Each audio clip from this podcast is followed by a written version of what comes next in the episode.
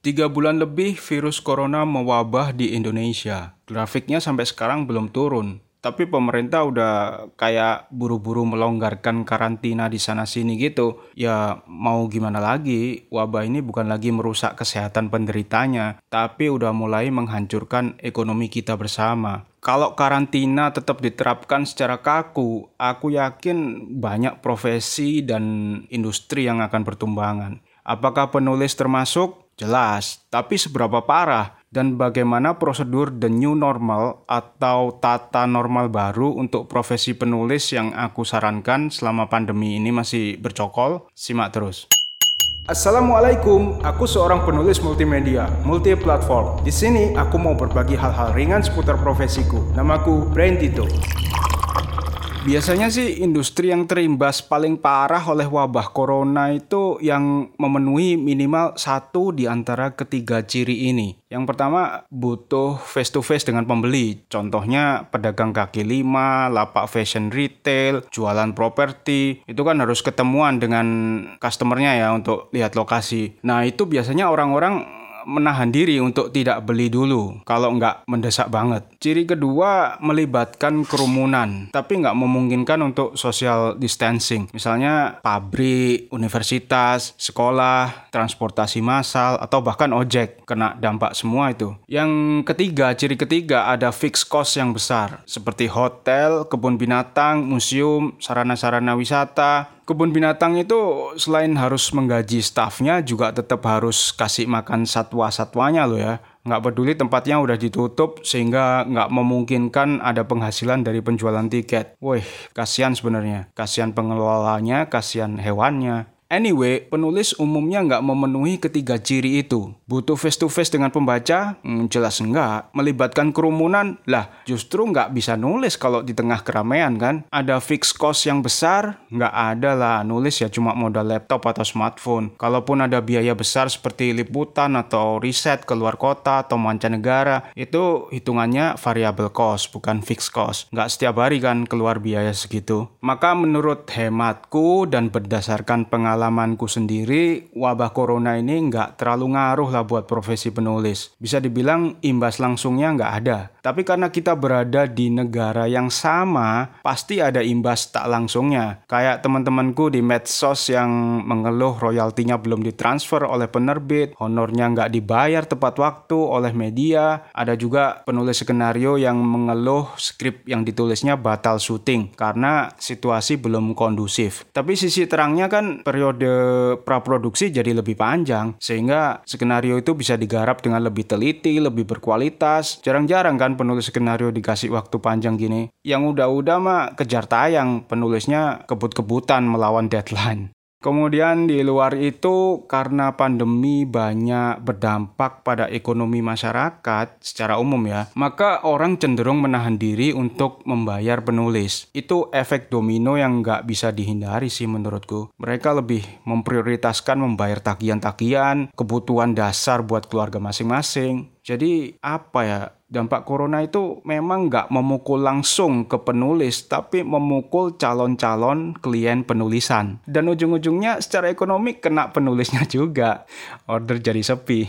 tapi itu aku sih, nggak tahu kalau penulis-penulis yang lain. Tapi hikmahnya gini loh, ini tuh waktu yang tepat. Apalagi kalau lagi sepi orderan ya. Ini waktu yang tepat untuk mengerjakan proyek-proyek pribadi yang mungkin udah lama banget terbengkelai. Misalnya nulis buku, benerin blog, seriusin podcast atau channel YouTube. Mumpung banyak waktu luang nih. Barangkali kegiatan-kegiatan itu tetap nggak ada duitnya. Tapi bagus untuk membangun branding kita sebagai penulis kan. Worth it lah buat jangka menengah atau jangka panjang. Pokoknya tetap semangat aja, tetap berkarya, tetap positif. Positif thinking loh ya, bukan positif corona.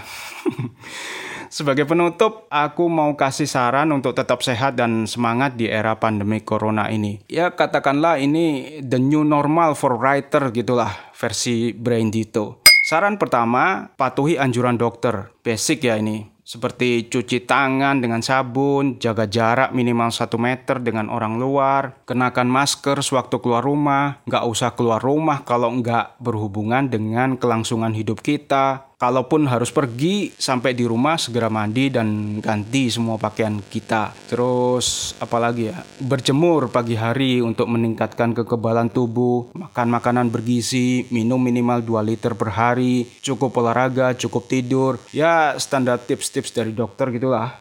Saran kedua, bekerja dari rumah aja. Kalau sebagai pegawai mungkin bisa nego ke atasan untuk tetap bekerja di rumah, nggak usah ngantor. Pokoknya berkomitmen untuk memenuhi deadline dan ponsel kita online terus selama jam kerja mungkin diperbolehkan untuk terus work from home. Atau kalau kita penulis lepas ya malah enak tinggal cari peluang-peluang penulisan yang nggak memerlukan tatap muka. Misalnya jadi penulis konten, cerpenis, kolumnis yang rajin nulis opini di media, penulis buku untuk penerbit, meskipun bisnis penerbitan dan media konvensional kayaknya lagi lesu atau berhemat sih, alias sedang pelit-pelitnya. Tapi peluang selalu banyak kok, jangan khawatir. Nggak mungkin orang atau industri tertentu itu nggak butuh penulis. Insya Allah semua butuh penulis.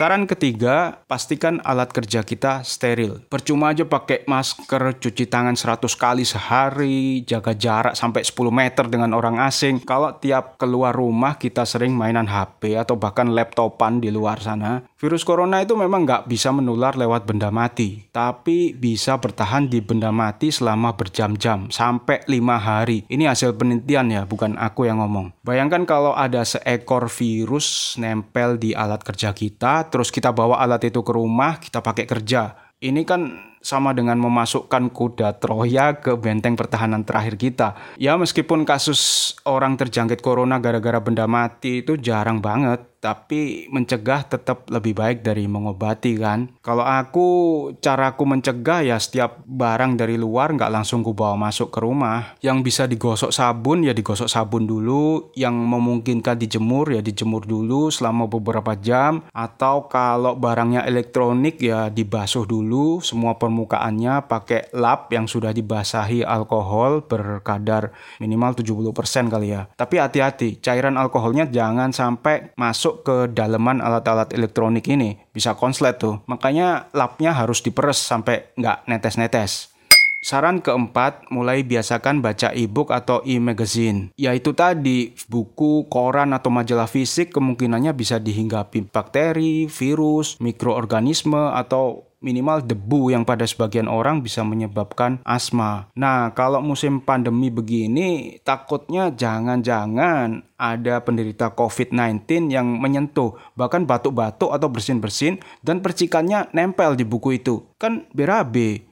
Jadi daripada beli buku di toko, di kios atau bahkan di lapak online, belilah e-book di Google Play Store, bisa di Amazon bisa, di Gramedia Digital atau lainnya. Daripada pinjam buku di perpustakaan, pinjamlah e-book di perpustakaan digital seperti e-Pusnas. Baca gratis atau beli buku bermutu juga bisa lewat platform seperti Quickku, Storyal, dan lain-lain.